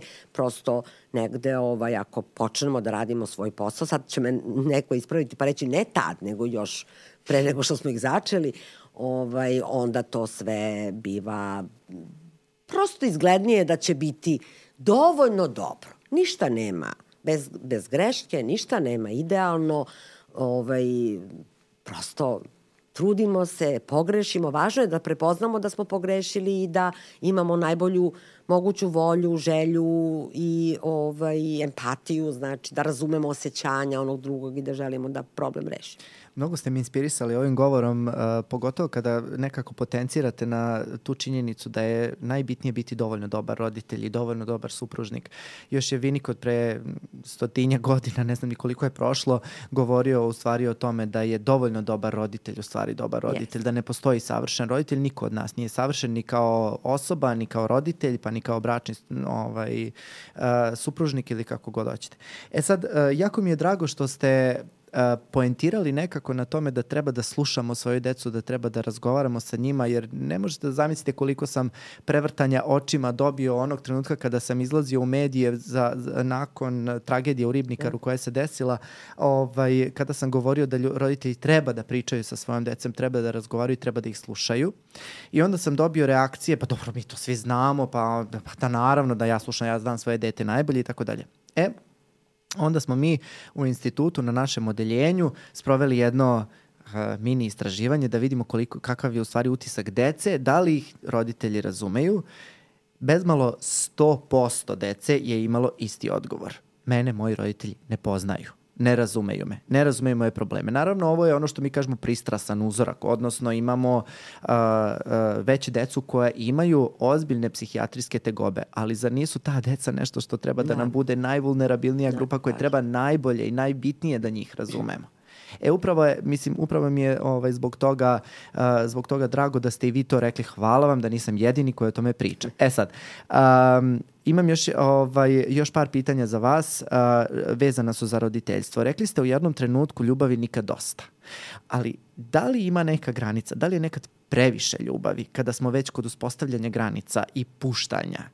Uh, nekada imam utisak da je te ljubavi malo previše, odnosno da, da, da osoba sama, odnosno roditelj sam po sebi nije došao do te, uh, do tog nivoa individuacije i onda se, kao što smo pričali o braku, gde se nekako simbiotski veže za uh, supružnika ili za, za ženu, kako god hoćete, ovaj, uh, da se simbiotski veže za dete. Pa, uh, da, ostaću pri ovome da ljubavi nikada nije previše, ali to upravo znači da ću te pustiti da budeš sam kada ti je potrebno da budeš e, sam. E, to je, mislim, bitno da naglasimo, da. Upravo zato što imam jel, do, dovoljno ljubavi ovaj, da razumem tvoju potrebu da budeš ovaj, sam sa sobom ili da neke stvari radiš na svoj način ili da istražuješ na svoj način ovaj, i da nisi u funkciji ovaj, toga da ja ne budem sama, da ja ne budem tužna, da ja se ne osjećam neostvareno, da ja ne budem usamljena, nego da ovaj, ti možeš da odeš i da budeš deset dana negde i da sam ja upravo zato što jel, ima, imam tu ljubav, ovaj, e, briga se naravno uvek podrazumeva, ali da ovaj, mogu da organizujem svoj život bez tebe. To se odnosi i na odnos roditelj-dete i na, i na partnerski odnos. Znači, ako mogu da te pustim da odeš i da ovaj, negde ti dam jel, ovaj, priliku uh, da se... Prostor. O, prostor, jeste, i da nekako m, sam siguran da ćeš se vratiti, a ako odlučiš sad govorim, prebacila sam se na partnerski odnos i na odnos odrasle, odraslije dece, to je već jel, posle 18 u, u, u mnogim zemljama, kod nas baš i nije tako, da ćeš doneti neku odluku da ovaj, možda i drugačiju, da ovaj, je potrebna i nekad jel, ovaj, i ta fizička razdvojenost, to zapravo ovaj, jeste i dalje ovaj, ostaje ljubav. Znači, ljubav ne treba da bude u funkciji ovaj, zadovoljenja naših ličnih potreba. Ljubav je prosto nešto što postoji u relaciji. Mi treba da imamo ljubav sami za sebe, van konteksta, relacije. I ako nemam kapacitet da volim sebe, pritom tu ne mislim na narcističke ovaj, potrebe, već tu jednu autentičnu ljubav prema, ovaj, prema sebi, jel? Uh, koja često podrazumeva i odricanja i učenje i tako dalje, ali ako nemamo kapacitet da volimo sebe, nemamo kapacitet da volimo ni drugog. Tako da ako onog drugog jel, preplavljujemo tom ljubavlju koja znači zovem te na dva minuta, pitam te na pet minuta kako si, proveravam oprat, to, to najmanje ima veze sa količinom ljubavi, a najviše sa potrebom da se neko kontroliše, da neko bude u funkciji toga da vi imate jednu apsolutnu svrhu, jel? jer nekako niste našli neke druge da sebe kao ličnost zaokružite. Tako da ja često edukantima, nekada i, ovaj, u, i, a često i parovima u terapiji crtam dva preklopljena kruga. Pa zapravo, ne mogu baš, nisam, ali znači ako dve elipse koje se preklope. Ako ovi delovi koji nisu preklopljeni nisu gotovo identični veličini ovog preklopljenog dela, mi nemamo kvalitetno zajedništvo. Mm -hmm. To je, to, je, to je prosto negde, sad naravno ne, ne, ne insistiram ja sad na nekom modelu ovaj, koji neće odgovarati nekome koji je Jel, ako ste vi okej okay sa tim da budete stalno zajedno i vi to birate kao partneri, to je u redu. Ja ću se pobuniti onda ako dođete sa detetom koji ima simptome onda ću ukazati šta sve tu nije dobro. Ali ovako, ako ste vi sa tim ok, a naravno neću vas ni videti jer se nećete obratiti za pomoć. Tako da ovaj, možete doživotno jel, da budete u tom nekom odnosu koji je jel, nekakva predstava ovaj e, potpune vezanosti kako često kažu e, i ovaj um, um, verujući ljudi to često nazivaju a sad ok, setit ću se ali ovaj um, znači jedna ljubav koja nadilazi vreme, prostor, sve je to lepo, to, o, mislim, u krajnjem i dobro je. Dobro je da se na taj način zaljubimo. Dobro je da na taj način odaberemo nekoga koga ćemo sutra potpuno drugačije da posmatramo kada krenemo da, ne znam, za njim skupljamo nekakav ovaj, veš, da uključujemo mašinu, da nosimo, da teglimo, jer on nije teglio, ja nisam teglila i jer nije, ali ćemo da ovaj, funkcionišemo ako možemo da i, e, ovaj, i te uloge i iz, i dogovorimo i da ih promenimo. To je jako, jako važno da ljudi imaju kapacitet da preuzmu uloge.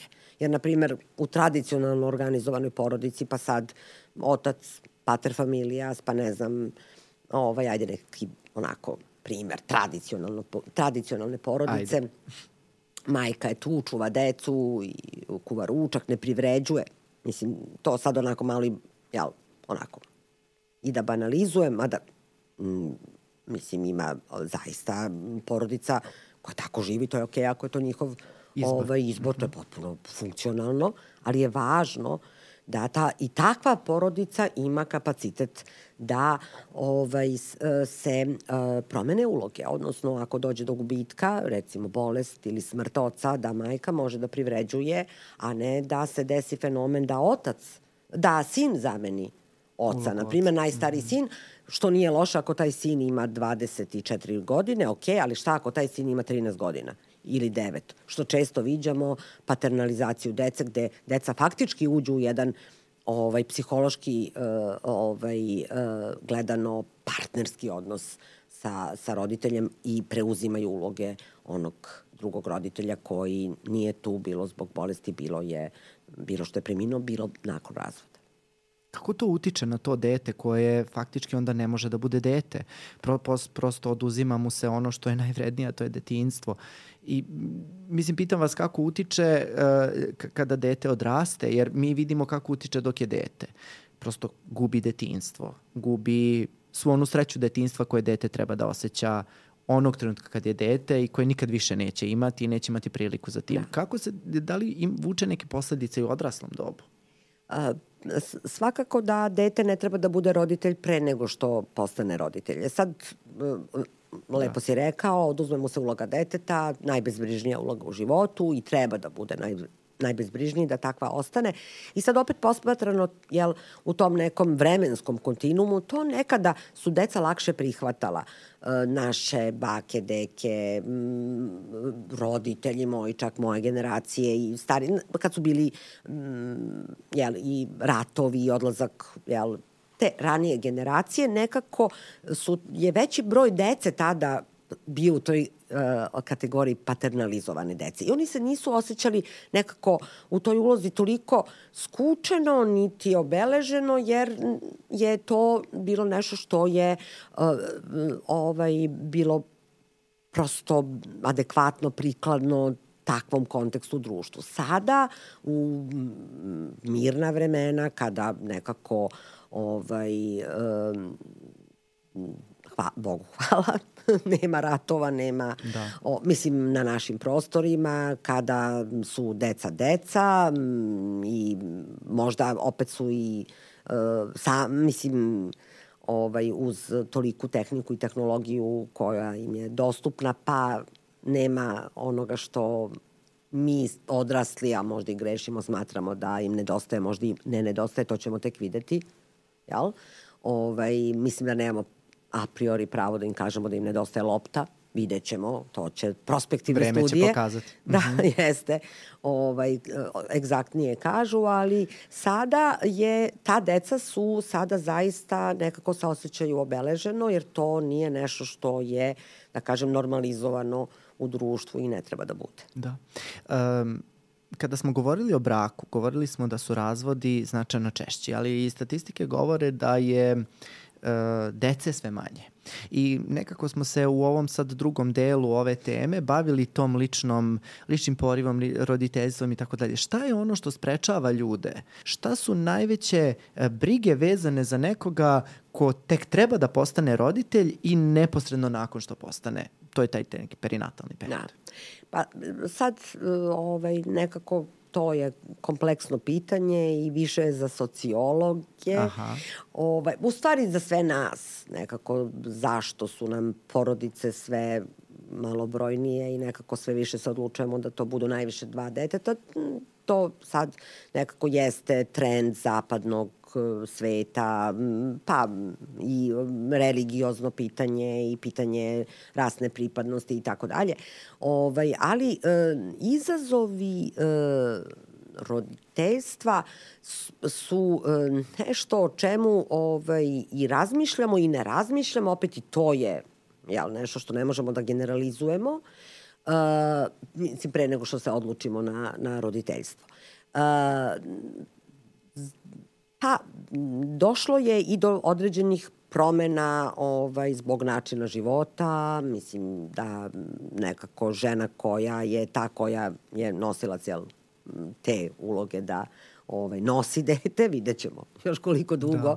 će biti nosilac te uloge, ovaj, zapravo se zbog različitih faktora, tempa života, različitih jel, drugih agensi, promene, zagađenja, ovaj, hormon, hormoni u ishrani. Mislim, ono što mi lekari vidimo jeste da nekako menopauza kreće ranije, a da se pomera životna dob kada se žene odlučuju da rađaju, tako da tu negde se i ti periodi I sve češće... se pomenja, pomera, jeste, moram da kažem. Da. Ovaj, preklapaju, tako da se žene nekako, eh, a opet u tim ovaj, no, eh, socijalnim jel, novim konstrukcijama gde žene a priori ovaj, su nekako u, u zapadnom svetu, mi više inkliniramo jel, tom nekom zapadnom modelu društva, da se ostvare te određene ambicije školovanja, nekakve ekonomske nezavisnosti i tako dalje, da se nađu u tom nekom klinču toga da su krenule jel, sa ovaj, jel, nekom menopauzom ili da prosto i nisu krenule, ali nekakav idealan period za rađanje, mm -hmm. smo kao ovaj, e, u društvu nekako sve više preskačemo, to je ta neka 25. 6 se, ono što kažu ginekolozi, akušeri i što kaže biologija, da to ipak jeste između neke 20 druge godine do 27. 8. a to je jel, ovaj, sve ređe prisutno i žene počinju da razmišljaju tek posle 30. Da. o potomstvu i tako dalje.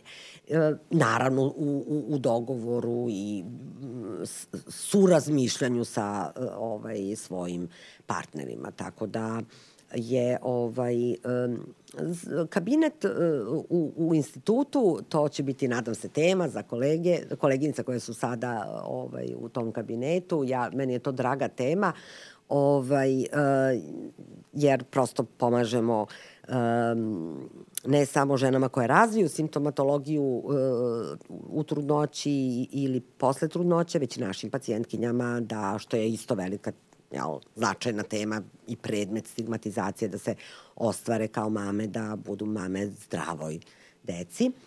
I, ovaj, i to mnoge uz primjenu lekova, što je isto još jedan od... Velika tabu velik, tema. Mm -hmm. Jest, zabluda da ne sme ništa da se pije u trudnoći od leku i tako dalje. Sme, ali naravno to mora lekar da propisuje već zavisnosti od problema koji ovaj, trudnica ima.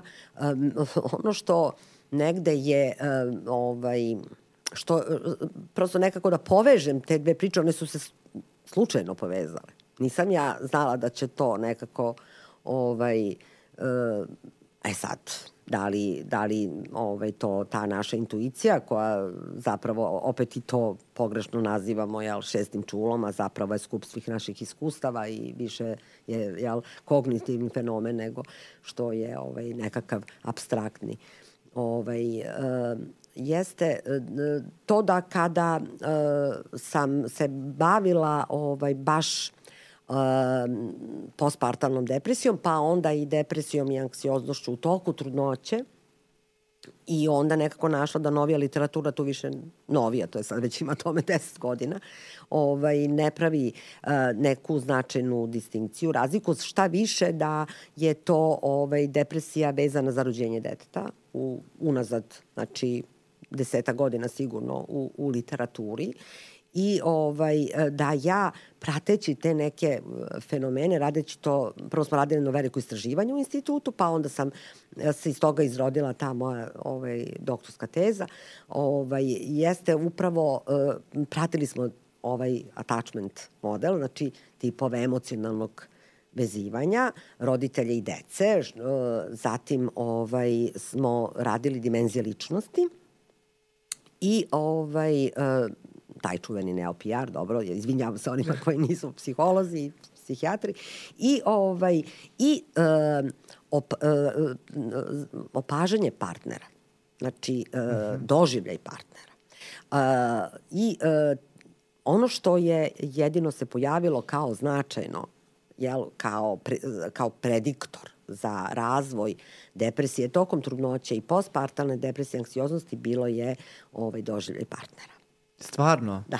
Ne, ni dimen... Nema razlike, a kontrola su nam bile žene koje imaju depresiju, ali nisu rađale unazad tri godine. Znači, mm -hmm. ovaj, i onda A u to... kom smislu doživlje partnera? Jeste očekivanja, to... uh, um, ono što ovaj, su naši, jel, projekcije u partnera, fantazmi, motivi, uh, sve ono što mi, jel, sa čim ulazimo u relaciju, a što partner prosto ne može da nam pruži, jer Mislim, niti to možda može, niti to možda želi ili ima drugačije. Znate, uđemo, ovaj, uđemo sa različitim očekivanjima u brak. To je jako važno, mislim, š, ovaj, i, i šta je to što, a ta naša očekivanja su prebojena sad, jel, našim mm, ličnim stavovima, onda uverenjima koje donosimo iz porodice, onda opet nekakvim temperamentom, dimenzijama ličnosti i tako dalje.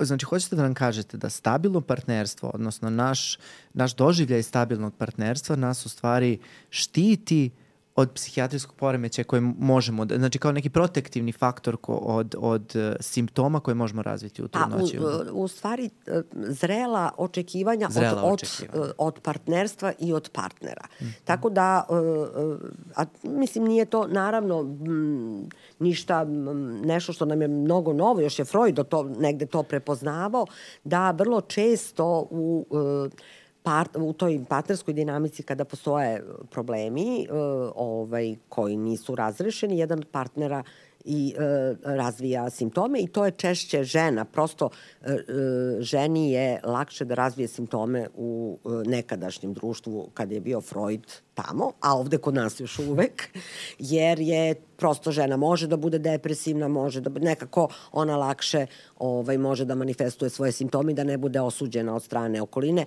za razliku od muškarca, njemu je baba muškarcima i dalje teže da budete... Zabranjeno. A, jeste, da. dalje vam je da. zabranjeno da, da budete deb, morate budete jaki. da, da. E, sad mi kažite samo um, što se tiče pošto nekako da zaokružimo celu priču o roditeljstvu, uh, kada mislite da osoba uh, treba da se obrati za pomoć uh, vezano za roditeljstvo? Ne mora da bude striktno psihoterapijska i u institut da se obraća, nego prosto kada oseti neke um, prepreke da bude roditelj, a želi da to da se ostvari kao roditelj ili da oseti neke simptome nakon porođaja, da li je to neko savetovanje, u kom trenutku uopšte treba da se obrati ne, za stručnu pomoć, koje su eto neka vaše, vaše preporuke i iskustva sa, za, na, na tu temu?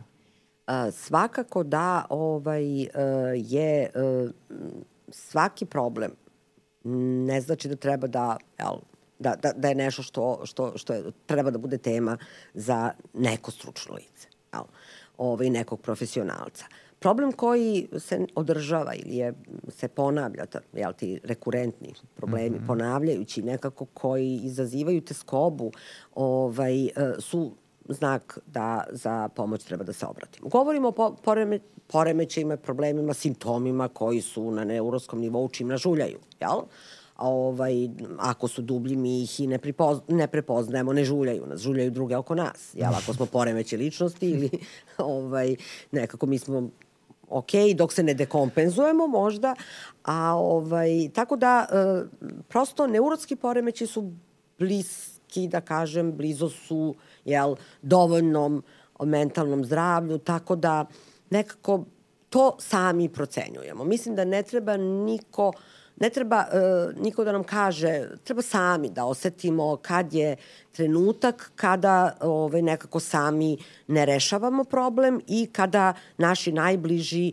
koliko god to želeli, ovaj, to uh, ne uspevaju da, da nam pomognu. Jer u nekom trenutku dođe do neke ovaj, uh, overloada, do pre, prezasićenosti i onda zaista mogu da nastanu mnogo, mnogo veći problemi. Tako da ako je žena tužna u trudnoći, ona treba da kaže uh, ovaj, suprugu treba da kaže mami, drugarici. Ako oni vide da to obstaje, ona sama se navrća za pomoć, oni su ti koji će da je posavetuju ili da je pomognu da se ona obrati za pomoć. Isto se ovaj, e, dešava i ovaj, u drugim životnim fazama, životnim ciklusima, izazovima. Prosto nekako ovaj, meni je... Uh, ti radiš sad jedan... Jako, ovaj, eh, jako, jako težak posao, to je da pružaš pomoć ovaj, u, u, u školi uh, mog sina. Moje dete je ribnikarac, sad on je naravno stariji, izašao iz te škole i ja nekako sve ovo što ja pričam mi deluje kao nešto što može da se mnogo lakše reši. Ja se nekako tebi divim kako si se upustio i ti i ekipa naših kolega koji ste ovaj, zaista onako ušli svim svojim snagama i energijom da ovaj, radite sa uh, traumatizovanom, traumatizovanom decom i roditeljima, a ovaj, ali opet ne mogu da uh, ne kažem da ovaj, uh, ajde da probamo da nekako i roditelji ovaj, budu, postanu mali stručnjaci za ovaj, svoju decu, pa osvrnite se malo mame i tate, levo i desno, tu smo, ovaj, mi, ako ne umete nešto da sa svojim detetom rešite, pa dođite, pa zajedno ćemo, ovaj, nije bauk pogrešiti, ali zaista jeste bauk ako dovedemo našu decu do toga da imaju i da moraju da imaju simptome da bismo mi bili u braku. To je stvarno bauk. Da. Jako mi je drago da ste ovo rekli, najviše iz razloga što mi se uh, u poslednje vreme pogotovo čini da nikad više priče i nikad više guidebookova i koučeva i uh, različitih uh, specijalizovanih terapeuta koji se bave roditeljstvom i nikad više nekih uh, vodiča koji će edukovati i roditelji nikad zbunjeni. Da. I upravo zato sam nekako i celu priču naveo na roditeljstvo i zamke ove roditeljstva i izazove, jer um, redko čujem, uh, pogotovo u medijima, da se na adekvatan način, na nekako ljudima prihvatljiv način govori o ovako nekim bliskim životnim temama. I hvala vam što ste, što ste nam nekako ulepšali ovu epizodu, e, što ste pričali onako ljudski i a, mislim da će ova epizoda biti a, značajna svim roditeljima, a meni je posebno drago ovaj, što ste došli ovde i kao, kao moj edukator mene prvenstveno naučili mnogo tome. Eto. Hvala tebi, što ne znači da ja nisam od tebe puno naučila. Hvala svima što ste bili sa nama, bavili smo se raznim temama. Ja vas molim da ukoliko vam se svidela naša danasnja gošća i ukoliko vam se svidela naša epizoda, da nam to i kažete u komentarima. Naravno, subscribeujte se na naš kanal, imaćemo još mnogo različitih tema. Do sledeće nedelje, vidimo se. Ćao.